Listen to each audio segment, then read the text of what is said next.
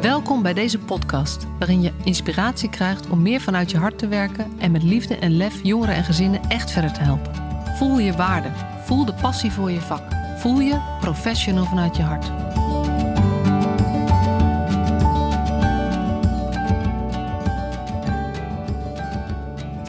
Ja, welkom weer bij deze nieuwe aflevering van de Professional vanuit je hart podcast. En vandaag zit ik aan mijn keukentafel met uh, Tina van Wouw. Die is uh, vanuit het Haagse naar Utrecht gereden om een uh, podcast op te nemen. En we zitten al 2,5 uur te kletsen. En we dachten, ja, we moeten nu ook echt die opnameknop even aanzetten. Dus ik hoop dat je nog energie over hebt hiervoor. Maar dat gaat goed komen. Tina komt uit de onderwijswereld. Zij heeft een, ja, ik mag wel zeggen, een grote liefde voor mensen die niet passen. Uh, en op allerlei manieren in haar werkende leven, maar ook in haar gewoon eigen leven, uh, doet ze daar van alles mee. Uh, van oorsprong is ze kunstdo kunstdocent en ze heeft een schoolleidersopleiding gedaan, maar ze werkt niet als schoolleider. Ze is de afgelopen jaren betrokken geweest bij een um, project wat gericht is op jongeren en arbeidsmarkt, MBO, samenwerking. MOA heet het, maar de precieze details zal Tina vast zo meteen over vertellen. Um, en uh, ze is uh, gestart als PhD, heet dat. Dus ze doet promotieonderzoek aan de UvA. Uh, over een onderwerp wat ook heel veel te maken heeft met, met professional vanuit je hart thema. Dus vandaar deze uitnodiging. Welkom in de podcast. Ja, fijn dat ik hier mag zijn. Leuk. Ja, ja. Thanks. Ja, ik heb heel veel zin in om nog meer van jouw verhaal te horen. Maar ja, voordat we dat eventjes de, de testvraag. Ben jij wel een professional vanuit je hart? Ja, dat, dat, denk ik wel. Ja, ja, een professional vanuit je hart. Je bent een mens uh, wat liefde heeft voor een ander. En als je daar ook nog eens je werk van kan maken, uh, dan is er niks mooiers dan dat, denk ik. En, en ja, wanneer is bij mij dat, uh, dat, dat kwartje gevallen? Ja, dat is toch wel heel jong geweest in mijn leven. Dat ik, dat ik de luxe had dat toen het met mij helemaal niet goed ging, er eigenlijk één professional was die, die, ja, die er voor mij was. En, en misschien is dat ook wel wat, wat mensen nodig hebben. Eén iemand die, die je ziet en, en die van je houdt en uh, je niet opgeeft. Daarmee kan een hele hoop weer goed komen. En dat stukje, uh, ja, die, die, die, die, dat geluk hebben dat er één iemand er voor jou is, ja, dat wakkert een vlammetje aan in je hart, waardoor je dat wil teruggeven en doorgeven. Ja. Oh, dat is ook zo herkenbaar met mijn eigen verhaal, zeg maar. Dat ook dat, dat tekeningetje met die twee poppetjes en die twee muurtjes. Dat ik ook me realiseer van, bij mij was het geen professional, maar dat er een paar mensen zijn geweest in mijn leven op cruciale momenten die er wel waren, wat alles heeft uitgemaakt. En dat je denkt, ja, maar zo, iedereen kan dus verschil maken in het leven van een ander.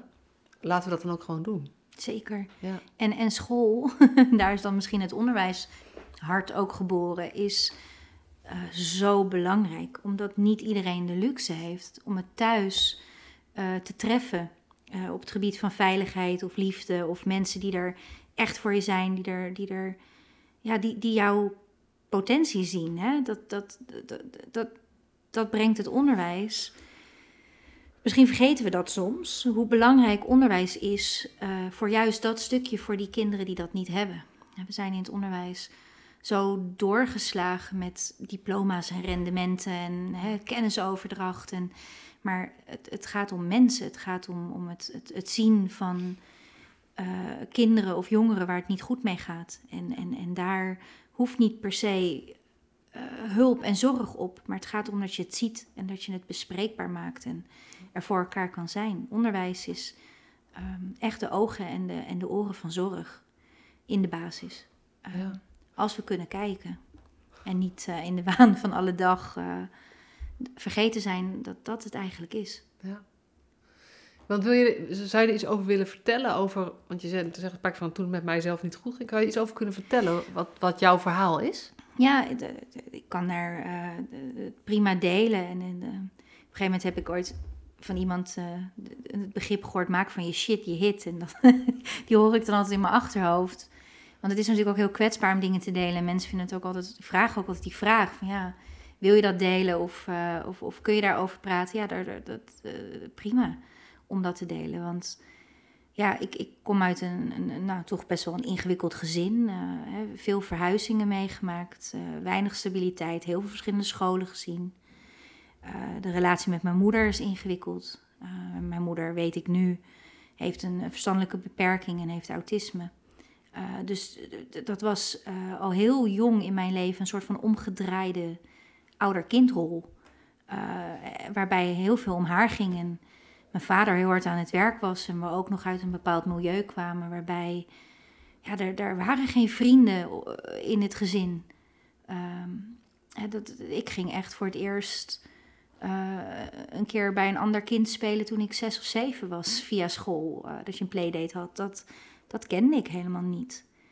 Ehm, dus dan groei je ook op uh, zonder sociale netwerken, zonder ja, mensen waar je dingen van leert of een beroep op doet, uh, met een, bepaalde, ja, een, bepaald normaal, wat, wat helemaal niet normaal is. En uh, dankzij school ga je dat op een gegeven moment beseffen. Um, dat, dat je als je op school leert eten met mes en vork, dan, dan is school wel heel erg belangrijk. En toen ik op mijn vijftiende van school ging, omdat het uh, gewoon niet meer ging thuis en ik mijn spullen pakte en wegging. Ja, ik ben heel blij dat er een docent is geweest die, die daar een stokje voor heeft gestoken. Want die, uh, die is toch wel beyond uh, hemzelf gegaan om, om te ontdekken waar ik was. En, en een plan ja, die heeft een plan bedacht om, om, om me weer terug te krijgen naar school. Want die vond het gewoon zonde dat ik niets deed met, ja, toch mijn potentie ergens, die, die ik zelf natuurlijk helemaal niet zag. Nee. Ik was alleen maar bezig met overleven. Dus um, kinderen en, en, mensen, als het niet, niet goed gaat, zien ook helemaal niet meer wat hun potentie is of hoe dingen opgelost kunnen worden. Of hè, dat, ja, die ruimte is er niet. Nee. En je zegt, ik, eh, weet je, het milieu waar ik uitkom was het heel gewoon dat iedereen in zijn eigen bubbel zit. Wat voor milieu heb je het dan over? nou ja, toch wel een milieu waarbij ehm, ja, school was niet, niet heel belangrijk. Dat, dat, ja, ga je daar meer mee verdienen dan?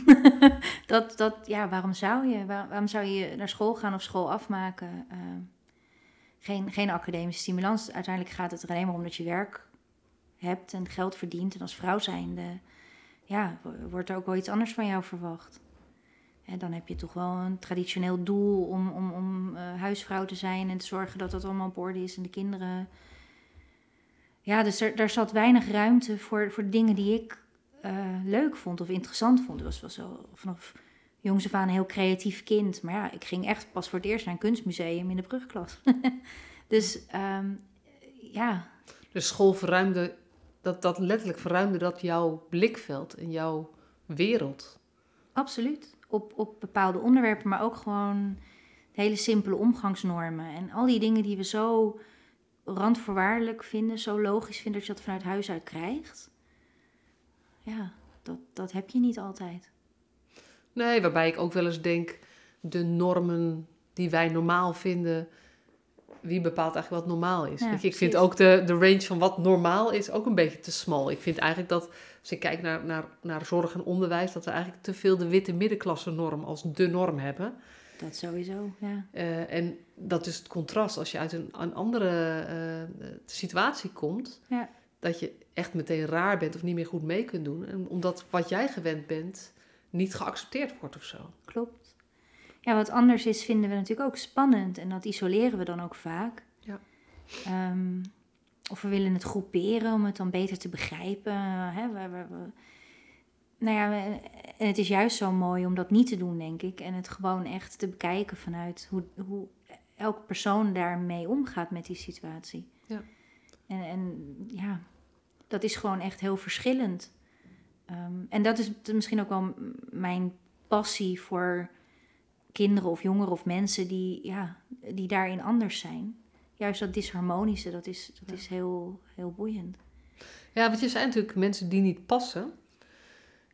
En nu gecombineerd met dit thema, dan denk ik, ja, wanneer pas je niet? Dat is eigenlijk als de normen dus te, ja, niet jouw normen zijn. Dat je niet binnen de norm valt. En ja. Ehm, nou ja, de, de ontwikkeling die ik wil zien in de maatschappij en waar het ook, waar het ook overal over gaat, is dat die normen steeds strakker geworden zijn, zodat er steeds meer mensen niet passen. En dat is eigenlijk wat jij zelf ervaren hebt. Ja, het is een beetje een one-size-fits-all benadering hè, die we hebben. En dat, dat, dat uh, is heel efficiënt. En uh, ja. daarmee kunnen we in grotere lijn misschien meer mensen helpen. Maar daardoor vallen de mensen die echt afwijken echt buiten de boot. Ja. En, um, en kunnen ook niet meer aanhaken. Dat is wat ik ook heel veel zie gebeuren. Dat, dat, nou, neem het schoolsysteem. Als iemand eenmaal uit het schoolsysteem valt... en zeker als je eigenlijk nou ja, toch wat, wat meer dan gemiddeld intelligent bent... en valt uit het schoolsysteem het is bijna onmogelijk om, uh, om nog weer aan te haken. Zeker. Uh, tenzij je dus iemand hebt die zegt van, joh, maar dat laat ik niet gebeuren, want ik pak jou vast. Ja, nou, dat en, en ja, de, de, de, de voorzieningen die er zijn, die, die helpen ook gewoon niet altijd om weer opnieuw een start te maken. Dus hè, jongeren die uitvallen op het VO en, en voor wie de voorzieningen dan niet toereikend zijn en voor wie speciaal onderwijs misschien niet geschikt is... Uh, die kunnen een overstap maken naar het MBO, maar moeten dan weer onderaf aan beginnen. Uh, Precies. Eh, ja. moet in MBO 1, dus in principe je moet dan MBO, MBO 1 starten. Ja. En ik, ik weet dat dat echt een drama is voor de, de, de HAVO-VWO-leerlingen. Zeker.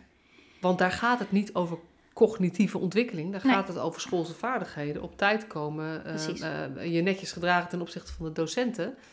En, en niet te ernstig ruzie maken met je medeleerlingen. Maar dat er heel weinig cognitieve uitdaging in zit.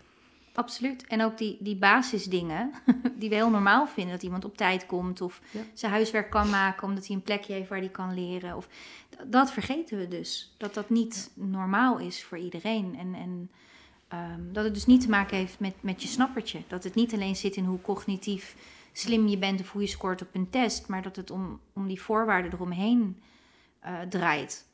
En, en hè, dan, dan kan je op je 21ste wel weer een toets maken om het HBO in te gaan. Maar en die tussentijd dan? Wat, wat, wat gebeurt er dan? Want juist dan, in die overgang van 18 min 18 plus, gaat het mis. Ja.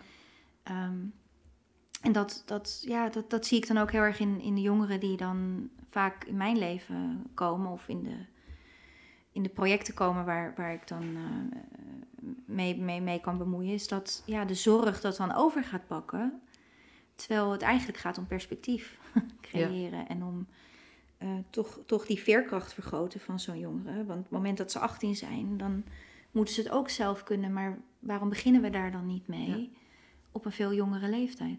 Ja. Ja, precies. En we hadden het al heel even over dat Jason Boegman, dat dat natuurlijk mm. voor de gesloten jeugdzorg ook zo ontzettend helder heeft, heeft duidelijk gemaakt. Van dat hij uh, in vijf VWO zat op het moment dat hij uit huis ging. Ja.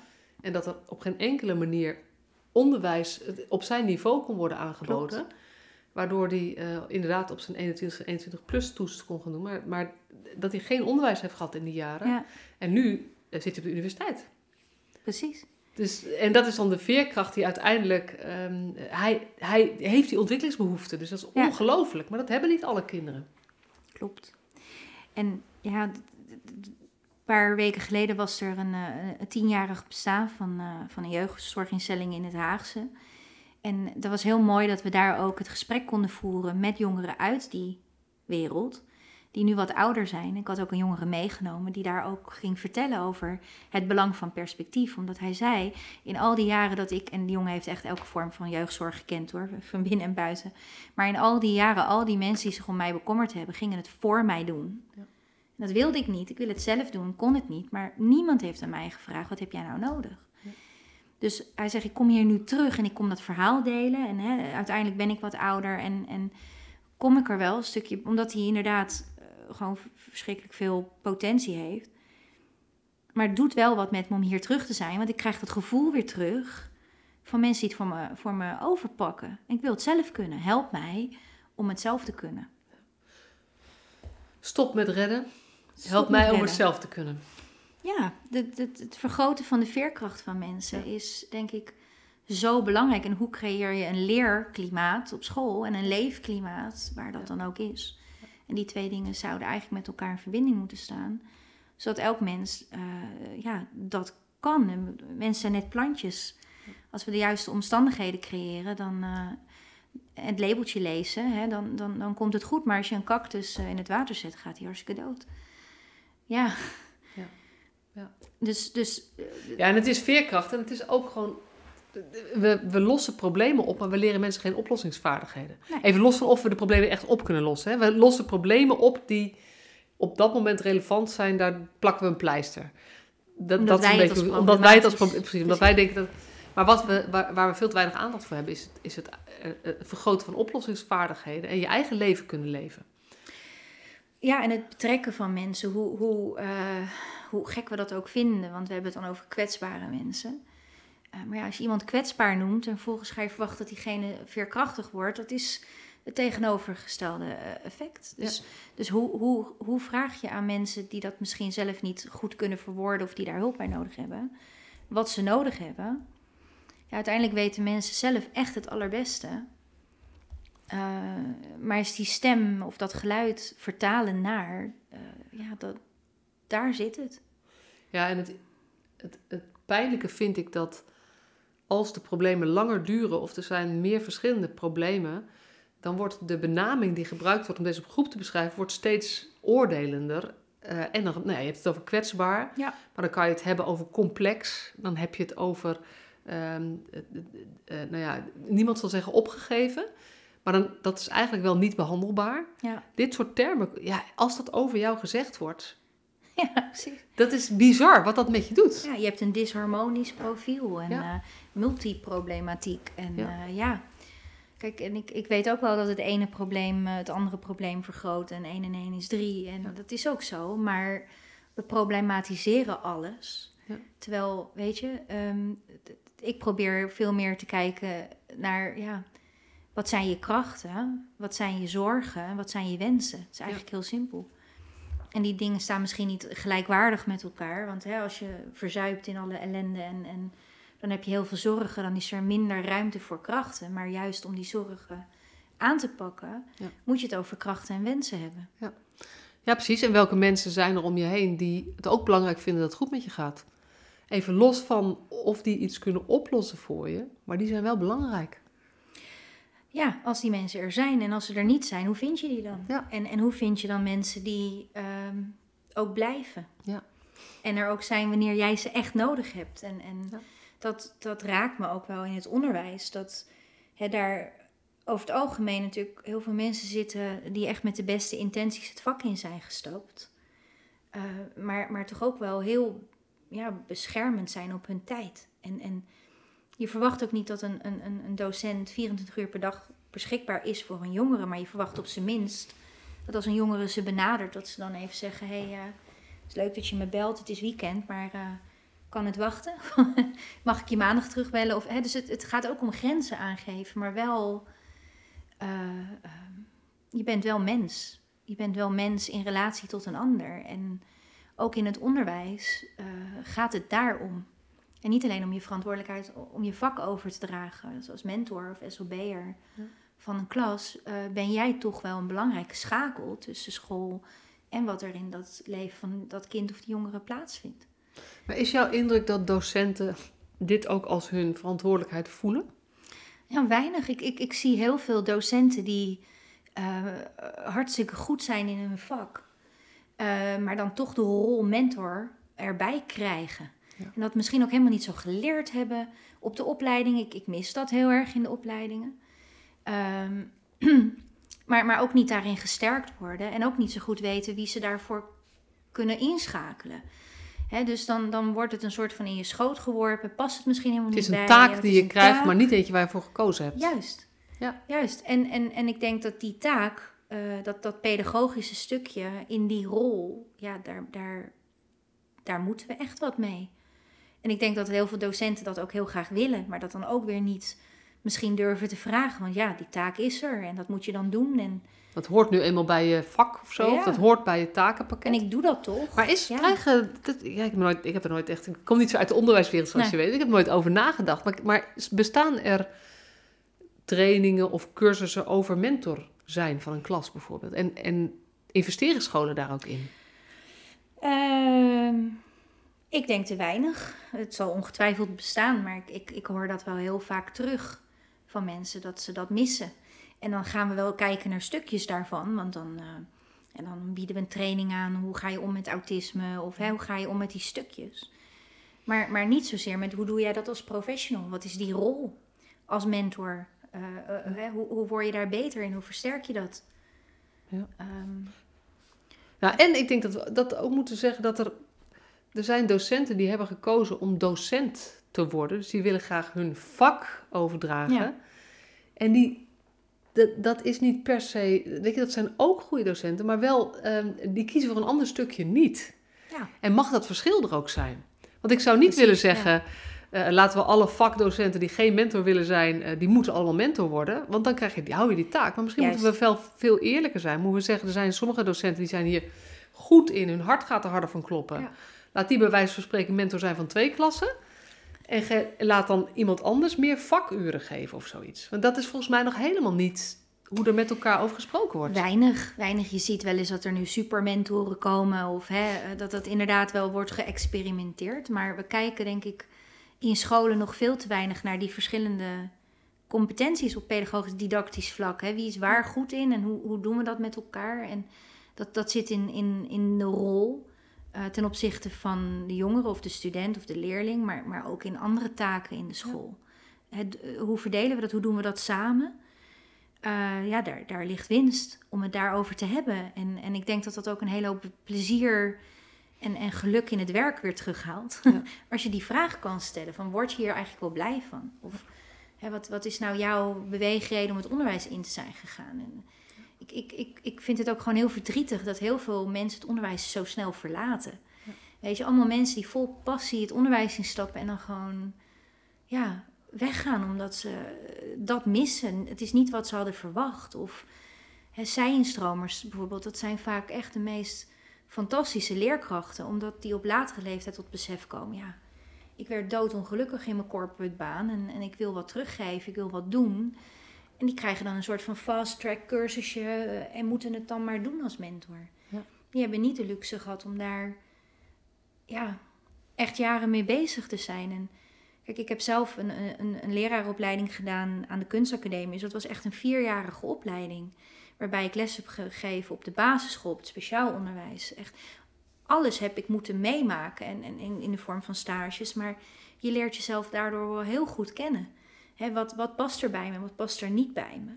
En in heel veel leraaropleidingen is dat ook uit noodzaak. We hebben natuurlijk een tekort aan mensen.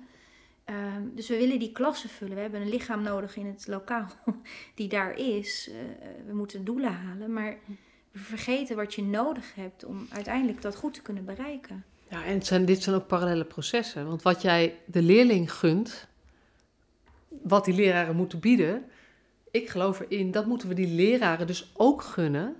Zeker. En dat moeten wij, zeg maar, of dat moet vanuit, vanuit de directie, of dat moeten we als samenleving, moeten we dus ook, we moeten het niet alleen maar hebben over, ja, de leerling heeft dit nodig en de docent moet het leveren. Maar we moeten veel meer kijken, maar als die leerling dat nodig heeft, hoe kunnen we docenten dan helpen om de rol te pakken waarin zij ook kunnen floreren? Dus het, is, het, is, het zijn parallele processen. En dan, Zeker. Oh, er valt hier een ballon naar beneden. Mijn kinderen waren jarig afgelopen week en de acht ligt nu uh, verdrietig op de grond. Beetje oneindig te zijn. Ja. Beetje oneindig te zijn. Ja, het wordt meteen zo'n oneindig teken. Maar um, dit, dit gaat uit om een totale cultuurverandering. En natuurlijk cultuurverandering waar ik in de zorg ook steeds over praat. Van hoe, ja. hoe ga je dit gesprek met elkaar aan? Ook binnen een team. Um, met wat zijn je kwaliteiten, waar word je blij van? Waar loop je op leeg? Of wat kost jou bovenmatig veel moeite? En kunnen we gewoon even slim taak ruilen, waardoor allebei onze voldoening um, uh, en energiehuishouding zeg maar, ervan opknapt. En bovendien een betere professional worden. Absoluut. En, en nou ja, goed, dat stukje onderwijs en zorg is, is voor mij ja, zo logisch dat dat samenwerkt. Uh, maar zo onlogisch voor de mensen in zowel de zorg als het onderwijs. Want het zijn nog echt twee hele aparte werelden. En, en hoe krachtig is het als we allebei de werelden vastlopen met tekorten en met regels. En hè, dat, dat, dat, dat, dat we de handen ineen slaan. Want we, willen, we willen zo hetzelfde. We zijn met z'n allen bezig om ontwikkelkansen te creëren en toekomstperspectief te maken. En te zorgen dat, dat blije kinderen blije mensen worden en meedoen in de maatschappij. Dat is wat we willen. En als het niet goed gaat, komt daar zorg om de hoek kijken. Maar ja, voorkomen is beter dan genezen. Dus, dus wat gebeurt er als je je zorgprofessionals en, en ook hè, alle andere mensen uit het sociale domein die school inhaalt aan de voorkant en dingen samen oppakt? Ja.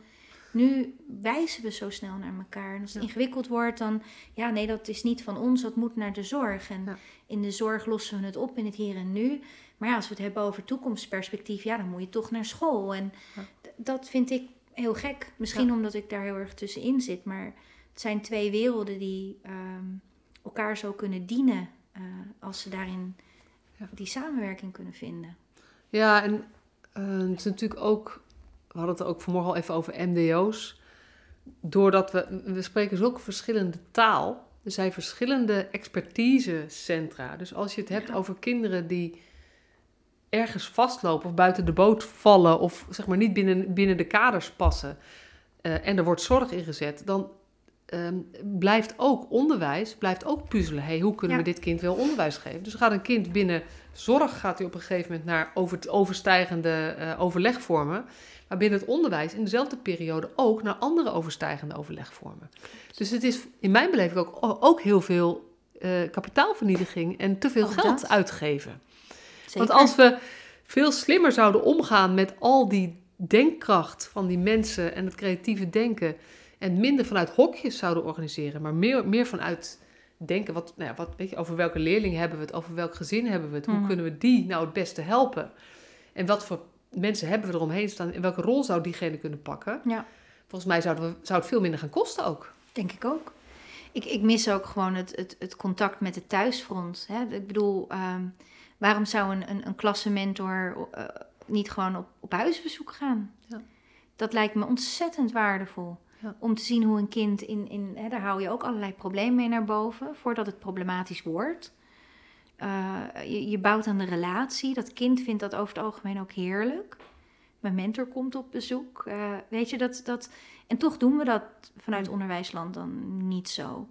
nee, ik ken dat wel van, van, van het basisonderwijs. Maar wat, jij bent natuurlijk in de mbo-wereld, doe jij heel veel. Ja. En wat daar vind ik wel interessant, want daar is toch ook wel echt het verhaal... Nee, maar weet je, nu is het de leerling, hij is 16 plus, dus het is zijn eigen verantwoordelijkheid.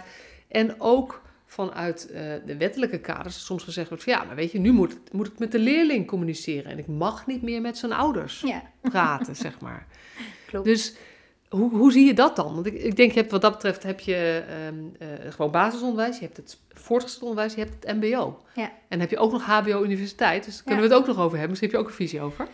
Ja, het, er staan overal schotten tussen, zowel in de lengte als in de breedte. En waarom? Hè? Um, uh, waarom is, is dat niet een veel meer ja, zoals, zoals minister Dijkgraaf nu ook dan roept, hè, een waaier van, van verschillende vormen van onderwijs die, die samenwerken en die, uh, die elkaar versterken. Er zit geen overlap tussen die vormen. Het is een soort van, van het een spring je over naar het ander en ja, dan creëer je dus een kloof waar sommige kinderen tussen vallen. En, en ja, je, je kan niet zeggen iedereen in het MBO uh, uh, heeft, heeft ouders uh, die je betrekt, omdat ja, ergens tussen 15 en 27 jaar eh, gemiddeld, zitten daar mensen met hele verschillende thuissituaties, hele verschillende omstandigheden. Dus dat is ook weer maatwerk en gewoon kijken wat is er op dat moment passend. En, en, en ga je ouderbetrokkenheid in het MBO forceren, dan heb je een tegenovergesteld effect.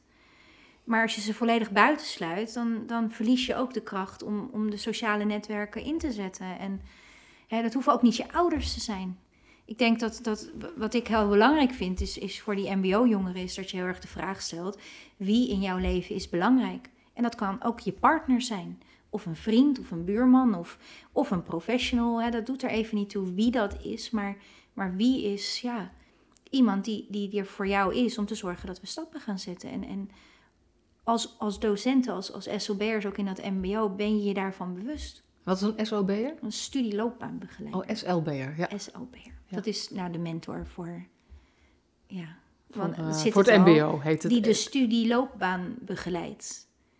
Ja, en, en het menselijke stukje dan. En, Hè, want ja, hartstikke leuk dat we naar studie kijken en naar voortgang kijken. Maar als jij niet weet waar je vanavond slaapt, dan komt dat kofschip ook niet binnen.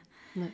Dus um, kijken we naar loopbaan uh, alleen maar in dat stukje daar, omdat het richting een diploma is? Of is studieloopbaan ook wat je daarna gaat studeren of eh, je, je werkloopbaan. Hè? De, en dan zeggen we weer dat mensen een afstand tot de arbeidsmarkt hebben, om het maar even op het hoopje te gooien van nare termen ehm, die we hanteren. Uh, nee, hoe, hoe, hoe, kunnen we mensen zodanig sterken in waar, ze, waar de zorg op zit en, en, en realistisch houden op waar de wensen zijn, om te zorgen dat ze een plekje krijgen in de maatschappij en doen waar ze blij van worden en wat hun mm. potentie toelaat. Ja. Ja, en ik, ik haak ook even op het woordje ouderbetrokkenheid. Je hebt een aantal podcasts geluisterd, niet allemaal. Maar eentje ervan is dat ik ook zeg, we moeten stoppen met het netwerk betrekken. Maar we moeten gaan samenwerken met het netwerk. Ja. Het is gewoon zo'n andere basishouding. Klopt. Uh, want als het gaat over betrekken is ook dat wij bepalen hoe dan. En dat wij dan bedenken wanneer dan. En dat wij ook bedenken wie dan uit het netwerk. Terwijl als je het gaat omdraaien en je gaat eigenlijk denken, ja, weet je, het gaat om die leerling, het gaat om zijn of haar leven. En dat is dus mhm. wel een verschil met een zevenjarig kind of een, een 14, 15, 16-jarige, 17-jarige op, op middelbaar onderwijs of uh, MBO. Uh, dus denk zeker bij die uh, vanaf een jaar of 14, denk ja, maar het gaat om zijn of haar leven. Dus als we willen samenwerken met dit kind, zullen we ook aan hem haar moeten vragen. En met wie, wie ja. hebben, zijn er nog meer nodig? Precies. dat het met jou goed gaat. En dat is niet per definitie de ouder. Nee. Want soms is dat gewoon wel nog steeds de ouder, maar niet de de helpende factor om jou in die fase van jouw leven te ondersteunen. Ja. En dat is ook niet per definitie meteen heel verdrietig. Dat is gewoon hoe het is. Maar vraag het aan. Ja. Die jongere, die is daar prima toe in staat om daar zelf een goede keuze in te maken. Of, of vraag door daarin. Nou ja, en, en, wat ik zelf wel denk is dat soms wordt ook weer te snel gezegd van die ouder uh, kan niet helpen. Dus daar werken we ook niet mee samen. Ja. Terwijl ik denk, voor, voor, voor levensloop van deze jongeren is het heel belangrijk dat een ouder, die soms veel beperkter is dan je zou, dat dit kind zou wensen, dat die wel aanwezig blijft. Ja. Um, en op, binnen zijn of haar mogelijkheden deel uitmaakt van het proces. Omdat anders je de jongere helpt om zijn eigen proces te lopen, maar het, de afstand met die ouder vergroot wordt. En dat moet hij dan daarna zelf weer oplossen. Absoluut. Ja, ik, ik, denk meteen aan al die jongens hè, in het MBO en meisjes in het MBO, die dan zeggen: Nou, mijn ouders hoeven er helemaal niet bij te zijn, dat doe ik allemaal zelf. En ja, nou, dan heeft het weinig zin om ouders uit te nodigen, want ze komen toch niet. Of ouderavonden in het MBO, waarom zou je dat doen? Want ja, wat is de reden inderdaad dat ouders er niet zijn?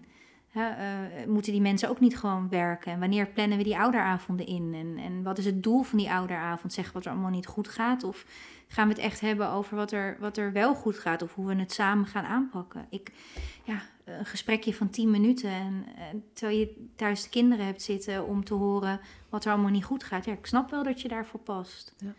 Dus hoe frame je het en hoe doe je het samen? En, en aan de voorkant al. Dat is denk ik heel belangrijk. Wat is die eerste kennismaking? Ook met, met de nieuwe onderwijsinstelling. Waar ben je naartoe aan het werken? Hoe gaan we daar samen instappen? Dat bepaalt uiteindelijk wie er hè, ehm, naar zo'n oudergesprek komt. Want ja, wie zit er uiteindelijk ook bij de diplomering bij? En het maakt me echt verdrietig hoor, om te zien hoeveel jongeren er diplomeren in het MBO. die dan helemaal moederziel alleen daar zitten. of niet eens hun diploma ophalen. Terwijl dat zo'n belangrijk moment is in je leven. dat je hè, niet zozeer een diploma hebt gehaald. Tuurlijk is dat belangrijk, maar je, je gaat weer naar een nieuwe fase toe. Het is een soort van ritueeltje die je wil delen met de mensen om je heen. Als je daar niet de trots in ervaart om dat te willen delen, niet de, de veiligheid hebt om mensen daarvoor uit te nodigen bij je diplomering, dan zegt dat toch wel wat. Nou, en ik denk dat we ook iets doen door te accepteren dat een, dat een jongere daar vrije keuze in heeft. En dan zomaar te accepteren dat hij dat dus niet doet. Om, en een jongere kan niet overzien dat de consequentie daarmee is dat dit besluit om zijn ouders er niet bij te halen, eigenlijk meer verwijdering betekent. Ja. Dat, is, dat is niet te bevatten, want er zijn allerlei redenen. Ouders, veel ouders voelen zich ook onzeker als ze zelf nooit een diploma gehaald hebben. Klopt. En ze gaan zo naar zo, ja, maar, maar mag ik daar dan wel zijn? Of hoe moet ik dat dan doen? Of hoe, als je uit een, een, een, milieu komt met andere normen en waarden, maar hoe moet ik me dan gedragen? En wat moet ik aan? Dus zulke onzekerheden zijn soms redenen, redenen voor ouders om niet te komen. Zeker. En eh, mijn ouders zijn ook nooit bij mijn diploma-uitreikingen geweest, bij geen één. Voor die redenen vinden dat natuurlijk heel spannend en ver van hun bedshow. En, en ik hoef ze er misschien ook niet bij, want ik ben het gewend dat ze er en niet En hoe vind je dat dan nu? Als je dan nu denkt over jezelf als, als 17, 18-jarig meisje, wat had je jezelf dan gegund? Met de, als je naar dezelfde ouders, dezelfde situatie? Nou, ik had me wel gegund dat ik in staat was om mijn ouders daarbij uit te nodigen. Om ze toch hè, er, erbij te hebben. En dat lukte toen niet. En waarom zou je, wat had, had dat uitgemaakt voor je? Nou, ik denk dat je als kind natuurlijk altijd op zoek bent naar, naar de bevestiging van je ouders. Je wil je ouders toch blij maken. Je wil toch dat je ouders trots op je zijn. En ik twijfel er niet aan dat mijn ouders op hun manier trots op mij zijn.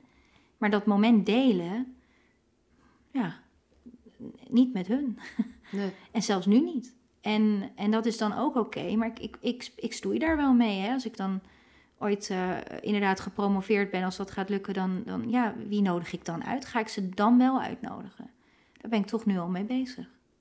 Ja. En ik kan je daar ook het antwoord niet op geven. Maar ik hoop dat ik dat dan wel kan. Ja. En dat zal dan wel uit mij moeten komen. Uh, maar uiteindelijk is dat ook voor mezelf, als ze er zijn. Ja, ja en dan, uh, weet je, nu moet je, hier moet je dus nog mee dealen. Maar als ik dan terugdenk naar hoe jouw leven gelopen is, en stel dat in de periode, zeg maar, waarin het zo moeilijk was, dat er toen eigenlijk vanuit de professionals, of het nou onderwijs is of zorg of wie dan ook, hè, dat er mensen waren geweest die gedacht hebben, ja, maar voor de leven, het leven van Tina en haar familie is het eigenlijk belangrijk dat dit moment samen beleefd wordt. Dus wij gaan kijken wat er aan de hand is en of, ik, of het zo kan zijn dat, dat haar ouders toch erbij zijn. Ja. Want als, als, op dat moment als kind in die situatie kan je dat niet overzien wat de consequentie is. en als ze daarbij waren geweest, zou het nu makkelijker voor jou zijn. Ja, absoluut. En ik denk ook dat het heel goed zou zijn geweest als daar uh, iemand die vraag had gesteld. Maar je, je zit in zo'n geïsoleerde gemeenschap en hè, dan, dan is het ook heel moeilijk om daar die vragen over te stellen om die toenadering te zoeken. Dus ik begrijp het ook echt wel. Maar dat is juist ook wel weer mijn drijf om, om altijd door te vragen en door te kijken naar wat, in wat voor situaties zit, zit een jongere of een mens die voor me zit. En, en ja, wat, wat kan, wat is er nodig? En wat, wat beseft diegene zelf wat hij nodig heeft? En wat zie ik als professional wat diegene nodig heeft? En hoe gaan we dat samen ja. versterken? Ja, en dat vind ik wel een rol van sowieso als je uh, nou ja, de volwassene bent ten opzichte van samenwerken met zo'n jongvolwassene, jongere, hoe die zichzelf dan ook noemt, is dat, dat um, ik denk systemisch gebeuren er zoveel belangrijke dingen uh, in de besluiten die zo'n jongere op dat moment neemt, waarvan hij de consequenties niet kan overzien. Waarvan ik inmiddels en jij ook inmiddels weet van ja, maar als je het hier uit de weg gaat, krijg je het anders twee keer zo hard terug. Ja, dat klopt. En dat is wel de wijsheid van het leven of zoiets, die je ook volgens mij mee kan nemen in de gesprekken dan met de jongeren. Zonder dat je zegt, ja, maar je moet het wel doen, want dat is nu helemaal beter voor je. Ja, ja. de. Maar je kan daar wel stapjes in zetten. Je kan iets van je eigen verhaal erin delen. Je kan ook, zeg maar, laten merken, ik snap dat het ingewikkeld is om je ouders uit te nodigen. Maar, maar weet dat je jezelf en hen een cadeautje doet. Dus dat je toch daar wat meer in investeert. Ja, en ook gewoon die vraag te stellen. Hè? En, net als die jongen die ik meenam naar de jeugdzorginstelling. Eh, dat, ja, ik heb hem ook gewoon gevraagd of hij dat zou willen. En, en uiteindelijk heeft hij daar zijn verhaal gedaan. Maar doet het ook wat met hem? En, en hebben ze ook vanuit daar gezegd: heeft hij behoefte aan een nazorg? Of hè, nazorg is weer zo, maar heeft hij nog behoefte om daarover te praten? En nou ja, zijn antwoord was nee. Maar het heeft wel degelijk iets met hem gedaan. Het heeft dingen naar boven gehaald. Het heeft hem anders naar dingen laten kijken. Het is ook een stukje afsluiting geweest. Ehm, dat speelt wel. Ja. En dat is natuurlijk heel mooi als er mensen om je heen de wijsheid hebben om dat met je te delen. En ook vanuit zichzelf. Ja. En dat is hè, misschien ook wel een professional vanuit je hart kan. Is die, die verbinding aangaan. En, en ook echt snappen uh, wat er in zo'n jongere uh, zijn hoofd gebeurt. Of wat, ja, die, die wijsheid of die, die ervaringsdeskundigheid. Maar dat is niet alleen ervaringsdeskundigheid, maar die wijsheid. Nee, precies, het is, het is, het is vakkennis, het is ook alleen al, het is ook notch, zeg maar, zo'n contextuele Maar het is vooral, jij noemt steeds het, het, woord perspectief. En ik haal hem vaak op levensloop, omdat dat dan iets breder is dan perspectief. Mm um, maar gewoon je realiseren dat de, de beslissingen die je neemt als 16, 17, 20-jarige, die op dat moment heel nou, natuurlijk, mijn ouders zijn stom of mijn ouders kunnen dat niet, mijn ouders komen toch niet en ik ga mezelf beschermen dat ze weer niet komen. Mm dat, dat, dat voor de korte termijn kloppende beslissingen zijn die op de lange termijn eigenlijk je ja, een, een probleem meegeven en het probleem groter maken. Ja. Dus ik denk als we hier Klopt. eerder vanuit onderwijs en zorg ehm, veel, het veel normaler zouden maken. Wij, weet je, het, het gaat ons niet uit of o- het maakt ons niet uit of ouders hierin kunnen steunen. Het gaat om dat je gewoon dingen met elkaar blijft delen. Dat is het. En uiteindelijk, je ziet het pas als je het ziet. Ja. Eh, maar je wil ook, hè, jongeren die moeten natuurlijk ook hun eigen keuzes maken. En het is ook heel gezond als tiener om vooral heel veel fouten te kunnen maken. En daarvan te leren. Dat, dat, zo leren we ook als mens. Maar wel ergens met een soort van vangnetje erachter van, nou, ga maar. Ja. En als het misgaat, vangen we je op en dan ga je nog een keer. Ja.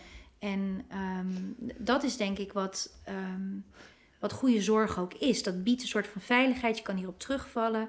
Net zo goed als dat ouders dat doen. Hè? Eh, ook al ben je dertig, je staat midden in de nacht voor de deur, want je relatie is over. En eh, ja, en dan doe je de deur open. Ja. Dat, ehm, Ja. Dat stukje is, is denk ik heel erg belangrijk. Dat vangnet, die, die veiligheid, die duurzaamheid, hè? die onvoorwaardelijkheid, misschien is dat het woord. Ja, hoe kun je het onderwijs daarop inspelen? Maar dat, dat betekent eigenlijk ook andere gesprekken met docenten en eh, Ja. mentoren en directies en intern begeleiders. En Zeker, ja. ja, Ja, maar dat, ja, ik, ik, ik zou het gewoon zo gaaf vinden om met die docent voor de klas, om die moeten doen, dat gesprek aan te kunnen gaan. Ja, dus dat vind ik ook heel leuk, hè? Want ik, ik zeg natuurlijk ook steeds, ik wil, blijf, ik wil met die uitvoerend professionals blijven praten. Ja. En niet alleen maar met beleidsmedewerkers of gedragswetenschappers. Sommige gedragswetenschappers voeren ook uit, maar degene die hier het meest in kunnen betekenen, zijn degenen die de leerling of de jongere het meest ziet. Precies. Want dan kan je het heel laagdrempelig maken. En bovendien heb je gewoon letterlijk meer tijd. En als we, het Ja. gaan, als we dit willen organiseren, dan gaan we het hebben over opschalen. Dan gaan we het hebben over expertise inzetten. Dan gaan we het hebben over deskundigheid aanvliegen. Whatever, wat voor termen allemaal. Maar het effect daarvan allemaal is dat we het verder van de jongeren af of vanaf het gezin gaan organiseren. En Klopt. Ja. dat verkleint onze mogelijkheden in mijn beleving. Ja, nee, dat, dat ben ik met je eens. Dat, zo gaat het natuurlijk in het onderwijs ook. Het moment dat er iets is, ja, dan, dan moet je als docent bepalen, nou, dan wordt het zorg en dan ben ik daar niet van. En dan heb ik expertise nodig en hulp. Dus dan Ja. ga ik naar de zorgpersoon, eh, hè, eh, eh, misschien schoolmaatschappelijk werker bij, weer een laag, weer een dit, weer een dat. Ja. Dan misschien een, een, een, een therapeut of een psycholoog erbij, maar, maar die communiceert weer niet met school, want dat zijn twee aparte dingen. En, nou een heel mooi voorbeeld, een, een, een meisje eh begeleid die, die anorexia heeft. Dus daar allerlei hulp en begeleiding voor kreeg, want dat was natuurlijk hartstikke nodig. Maar uiteindelijk wilde zij niks lievers dan haar school halen en, en haar controledrift om, om goede cijfers te halen zorgde ervoor dat ze hè, met eten ging worstelen en, en daar de controle zocht. En uiteindelijk wilde ze eh, gewoon een ruimte hebben op school waar ze rustig even kon eten. En de ene dag met een vriendin en de andere dag met een onderwijswerker. En of dat nou de zorgprofessional was of een docent, maar gewoon samen even eh, weer een boterham proberen te eten. Even rust, want in de kantine met iedereen eromheen was te veel. En in die school was het zo moeilijk om gewoon een rustig plekje te vinden waar, waar dat even kon. Terwijl dat zo belangrijk was om die stap weer te zetten. Ja. En dan ja. Maar dan heb je dus professionals nodig die, het, die zeg maar voelen, hé, hey, hier gaat het om. Ja. En die het lef hebben Om het gewoon te doen. om dit gewoon te doen. Of in ieder geval het te opperen en te kijken of ze dit kunnen creëren in hun team. En sommigen zijn zo, zo eigenwijs dat ze het gewoon doen. Precies. Dat vind ik heel stoer. Maar het gaat eigenlijk om dat, dat in eerste instantie, als je het voelt, dat je dit ook gaat uitspreken. En dat Juist. je dit, dat je zegt van, maar het is toch eigenlijk te gek dat we dit niet kunnen organiseren. Nou en, en het doen is ook een soort van ja, eh, olievlek. Hè? Net zoals in dit verhaal met dit meisje. Was het in eerste instantie de onderwijsassistent die daar de tijd en de ruimte voor had om dat dan te doen. En vervolgens aan een docent vroeg, maar zou jij dat nou ook niet willen? Ja, dat- ik wil daar ook wel tijd voor maken. Kijk, en dan, dan ontstaat er iets moois. Dus dan is de vraag helder, de behoefte is helder. We kijken naar wat er kan, we beginnen klein.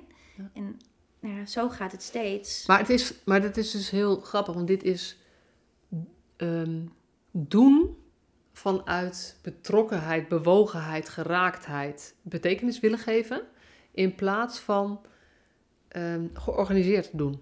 Ja, en vanuit menselijkheid. En Ja. ook wel doen wat nodig is Ja. en niet wat er gevraagd wordt.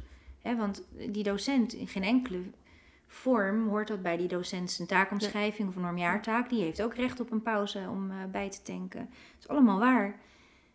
ja, maar, wil jij- heel ja, moois precies. op. Ja, Wil jij verschil maken in het leven van een ander? juist. Dit is je kans. En ook voor jezelf. En ook voor want jezelf, Wat, wat ja. doet dat uiteindelijk met die docent? Ja, die, die, die voelt zich daar ook goed bij. Ja. En, en dat heeft weer een werking op hoe je dan weer voor de klas staat en hoe je in je vel zit. En, en je kan er niet voor elk kind zijn. Dat hoeft ook niet. Maar eh, kijk eens terug naar welke docenten uit je schooltijd je herinnert. Dat zijn er ook geen dertig. Nee. Welke mensen zijn blijven hangen? Welke mensen had je een klik mee? Met wie?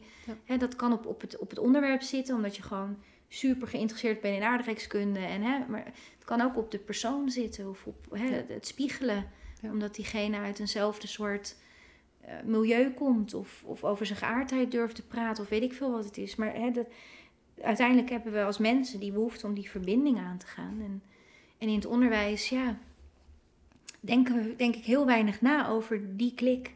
Ja. Hier heb je een klas en eh, eh, daar ben je de mentor van. En eh, het zijn 25 kids en die Ja. hebben we ook eigenlijk maar bij elkaar gegooid. Zonder na te denken over de samenstelling van die groep.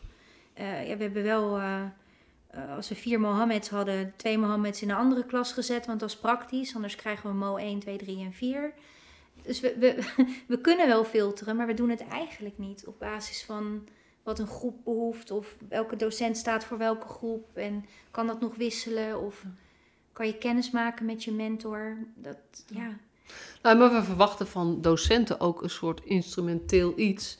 Namelijk, dit is je klas, die ga je draaien. ja, Zonder dat dan die docent vraagt van, joh, dit is je klas. Past het een beetje bij je? precies. Precies. En dan heb je van die rapportvergaderingen, nou, eh, ik heb zo'n last gehad van die klas. En, eh, en de andere docent zegt, echt, nou, ik vind dat mijn favoriete klas. Ja. Dan krijg je dat soort situaties waarbij die kloof zo groot is. En, en waarom doen we daar dan niks mee? Als de ene docent worstelt met een groep of met een persoon in een groep en een ander niet. Waar zit dat dan in? Ligt dat dan aan die jongere of aan de groep? Of ligt het gewoon aan een match die niet werkt? Dan kunnen we dat niet roleren of iets flexibeler daarmee omgaan. Maar ja, weet je, ik ben in dit soort dingen altijd heel eenvoudig en praktisch. Dan denk ik, ehm, wat ik in de zorg, als ik ergens sta, ik- daar ben ik vaker, maar dat is in het onderwijs volgens mij ook. Volgens mij lossen we er al heel veel in op door minder over de leerlingen te praten en meer over onszelf. Dat denk ik ook. Dus het gaat over zelfreflectie. En dat is hele, weet je, dat, dat is niet ehm, eh, sexy. Vinden mensen niet sexy? Dat is niet stoer. Klopt. Daar, wordt, daar, heb, daar krijgen we geen uren voor. Nee. Nee. weet je, je krijgt er geen uren voor. Maar weet je wat, je, wat het je kost als je het niet doet? Ja, Dus, zeker. dus dit, is, dit is ook gewoon, je krijgt er geen uren voor, maar je kan er wel voor kiezen. Ja. Jij kan toch degene zijn in de lerarenkamer die vragen stelt hierover? Daar hoef, hoef je geen toestemming voor te krijgen, dat kun je gewoon doen. Klopt. Of, of hè, wat, wat doen we als, als, als docententeam onderling om onszelf te versterken? Of hè, de intervisies en zo, dat, dat zie je in teams. Maar, maar in onderwijsteams eigenlijk minimaal. En, en hè, waar sta je nu in je leven? Als je al twintig jaar voor de klas staat, dan, dan ben je al twintig jaar ja, dezelfde persoon. Maar ook al twintig jaar in ontwikkeling. En wat wil je dan? En wat komt er dan Ja. bij? Dus dan gaan taken wisselen. En hè, dat is altijd één kant op. Want je gaat langzamerhand ga je hoger in de lijn en dan eindig je ergens als schooldirecteur en dat kan dan weer niet terug. En Ja. het, het, het zijn allemaal hele starre processen, terwijl het zo mooi is om met elkaar, denk ik, dat gesprek aan te gaan. En taken worden volgens mij best wel pra- praktisch verdeeld in plaats van Ja. op voorkeur. En waar je energie van krijgt en waar je blij van wordt. Ja. En jij zei ergens, eh, we willen toch met z'n allen eigenlijk blije kinderen die een, een mooi leven voor zich hebben. Dan denk ik, ja, voorwaarde daarvoor is dat we ook blije professionals hebben. En dat doe je onder andere door mensen zelf veel meer regie te geven over hoe zij hun uren eh, willen verdelen en waar ze dat aan willen besteden. En ik, ik denk dat En kan dat, ook- denk je? Nou, ik denk dat we daar ook het lerarentekort mee oplossen. Want weet je, de, de, de vele mensen die het onderwijs verlaten of het niet aantrekkelijk vinden, eh, missen denk ik die ruimte ook om dat zelf te kunnen doen. Want het is inderdaad, ja, dit moet, dit zijn de einddoelen, hier werken we naartoe. En verder is er weinig ruimte om naar jezelf te kijken of jezelf te ontwikkelen of dingen te combineren daarin. Ehm, Maar is er weinig ruimte? ehm, weet je, formeel gezien is er weinig ruimte. Maar of is het ook dat, we, dat, dat er een soort cultuur is geweest dat we daar geen ruimte voor nemen? Nou, ik denk dat laatste. Ik denk dat er heel veel ruimte is. Uh, zeker de laatste jaren steeds meer komt. Maar we zijn gewend om die ruimte niet te pakken. Ja. Dus het is hartstikke eng om die ruimte te pakken of om dingen anders te doen. Of, hè, um, dus dat, dat, is zeker een cultuur waarin we ook heel erg op zoek zijn naar voorbeelden van hoe andere mensen dat doen. Want dat helpt. En goed afkijken is natuurlijk ook het halve werk. Maar we zijn zo bang. We zijn zo in het onderwijs. Hè, um, we zijn allemaal eitjes in een eierdoos. En iedereen zit in zijn eigen eitje. En, en hoe maken we daar nou een omeletje van? Dat is uh, volgens mij, ja, dat, dat, doe je toch echt door, door wat, wat te klutsen en die eitjes open te breken. En, en ja, ik denk dat die ruimte er wel is, maar uiteindelijk is het ook heel erg afhankelijk van de schoolleider.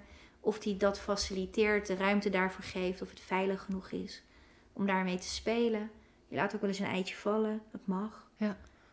Um, dus ja, dat, het zit, ik zit veel fouten mogen maken is, is, is onderdeel hiervan. En dat is ook, je zei natuurlijk van, eh, over jongeren zei je van, ja, maar mag die dan ook af en toe even dat het misgaat? Ik denk, ja, als we willen dat jongeren fouten mogen maken, moeten wij als volwassenen, als professionals ook fouten mogen maken. Betekent dat je ook in de schoolleiding of in zeg maar, het, samenwerkingsverband of de, ik weet de termen van de, van de scholen, van de scholen niet, zeg maar, maar nee. het bovenregionaal scholennetwerk of zo. Ja, dat daar ook een cultuur is dat we eigenlijk met elkaar, ehm, dat je fouten mag maken. Want als je mensen gaat vragen om dingen te doen die spannend zijn, ja. dan moet er ook een foutmarge in zitten. En wat is een fout? Nou ja, ook dat. En, en ja, hoe, hoe leer je uiteindelijk van al die verschillende dingen? En in het onderwijs zie, je, zie ik gewoon heel erg dat alle veranderingen en alle innovatie altijd buiten dat primaire proces plaatsvindt. Want daar kun je het risico nemen dat het misgaat. Want hè, het primaire proces gaat natuurlijk om dat rendement, hè, het behalen van dat diploma. En als dat niet misgaat, ja, dan, dan hebben we met z'n allen het doel niet bereikt. Maar ja. is dat het doel? Is het doel om zo snel mogelijk, als een kind bij jou in de klas komt, te zeggen: Nou, we gaan met het vak Nederlands aan de slag. En dit zijn de eindtermen waar we aan moeten voldoen om een diploma te halen of het vak te, uh, te kunnen halen met een voldoende. Ja, ik vind dat gek. Ja. Want dat uh, Nederlands zit in alle vakken. En kijk, ik, ik, ben natuurlijk ook wel heel erg beïnvloed door mijn tijd in Engeland. Um, waar we gewoon dingen echt wel best wel radicaal anders deden dan hoe dat hier in Nederland eraan toe gaat. Um, in, in, Engeland uh, gebruiken docenten aanzienlijk minder methodes dan, dan wij dat hier doen, omdat je ontwikkeltijd krijgt. Je bent met z'n allen, met een afdeling, ben je verantwoordelijk om dat in elkaar te draaien. Nou, daar wordt het onderwijs echt leuker van. Veel gepersonaliseerder en je bent, eh, je bent, er, je bent geen slaaf van een methode. Je bent op maat onderwijs aan het maken voor groepen. En je, je gaat daarin als team met elkaar kijken naar wie kan wat goed. Ja. En, en um, in Engeland hadden we uh, wisten we dat alle kinderen ook inderdaad taal- en rekenniveau nodig hadden. Maar dat was niet alleen de verantwoordelijkheid van de reken- en taaldocent. Want dat was numeracy en literacy across the board voor, voor alle docenten een, een focuspunt. Dus, dus ik als kunstdocent moest ook iets doen met numeracy. En, en ja, wat ga ik dan zitten rekenen? Nou ja, eigenlijk is het heel simpel. Want perspectief tekenen en mandala's maken en hè, uh, vormen, dat is ook wiskunde. Dat doen we samen. En dat, dat zien we in Nederland, uh, uh, denk ik, nog weinig. Dat vakken samen integraal iets doen. Hè, het zijn allemaal vakgroepen en, en daar zit heel veel focus en heel veel overleg en samenwerking op. Hè. Uh, maar wat is het totaalplaatje en gaat het alleen maar om die vakinhoud of gaat het ook om dat ontwikkelen van dat mens en, en hè, de, de gezamenlijke verantwoordelijkheid voor de zorg, de welzijn van die jongeren? Dat zit niet in een vak als burgerschap alleen, dat zit overal. Ehm, hoe maken we dat? Ja, en daar heb je dus mensen voor nodig die, die daar doorheen kunnen kijken en die eigenlijk denken: ja, ik zie mijn rol breder dan mijn vak goed doseren. Ja, en hoe vanuit beleid en vanuit wet en regelgeving, hoe, hoe maken we dat ook realiseerbaar? Hoe bekostigen we dat? Want als maar zou, is het duurder? Hoe bedoel je? Is het, zou het meer kosten? Dat denk ik niet. ik denk, dat, maatwerk goed. Ik, sterker nog, um, het project waar ik de afgelopen jaren leiding aan heb gegeven, heeft laten zien dat maatwerk helemaal niet duurder is. Maar het is wel spannend, want je kan het niet van tevoren al uh, bepalen. Het heeft ook weer met controle te maken. Kijk, en daar gaan we. ik ga je even, want weet je, onze tijd is op van de podcast. Oh. ja, het gaat sneller dan je denkt. Ik zei, ik ga de tijd in de gaten houden. Dus wat ik eigenlijk wil voorstellen, dat is een cliffhanger. Oké. Is dat we hem voor nu afsluiten. Dat is goed. En dat we meteen een volgende podcast opnemen om dit verhaal te vervolgen. Dus als je luistert en je bent benieuwd, moet je een weekje wachten. Of je hebt geluk en je kan er meteen al uh, uh, kijken. Maar uh, voor dit, dit moment, dankjewel voor het luisteren. En tot de volgende keer. En Tina, wij gaan even kijken of we meteen doorgaan of, of de volgende keer. Is oké? Okay? Ja, zeker. Right. Valt het mee tot nu toe? Ja, absoluut. Ja hoor. Het is hartstikke leuk. Lekker, oké. Okay. tot, tot de volgende keer. Dankjewel voor het luisteren. Doei.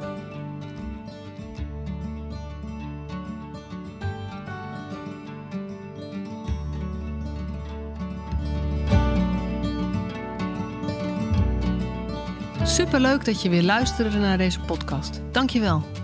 Nog even kort een paar belangrijke dingen. Ten eerste, het is mijn missie dat de jeugdhulp weer een sector wordt waarin bevlogen, liefdevolle professionals jongeren en gezinnen echt verder helpen. Daarom maak ik deze podcast voor jou. Wil jij deel uitmaken van deze beweging van Professional vanuit je hart, waarin professionals elkaar steeds opnieuw inspireren?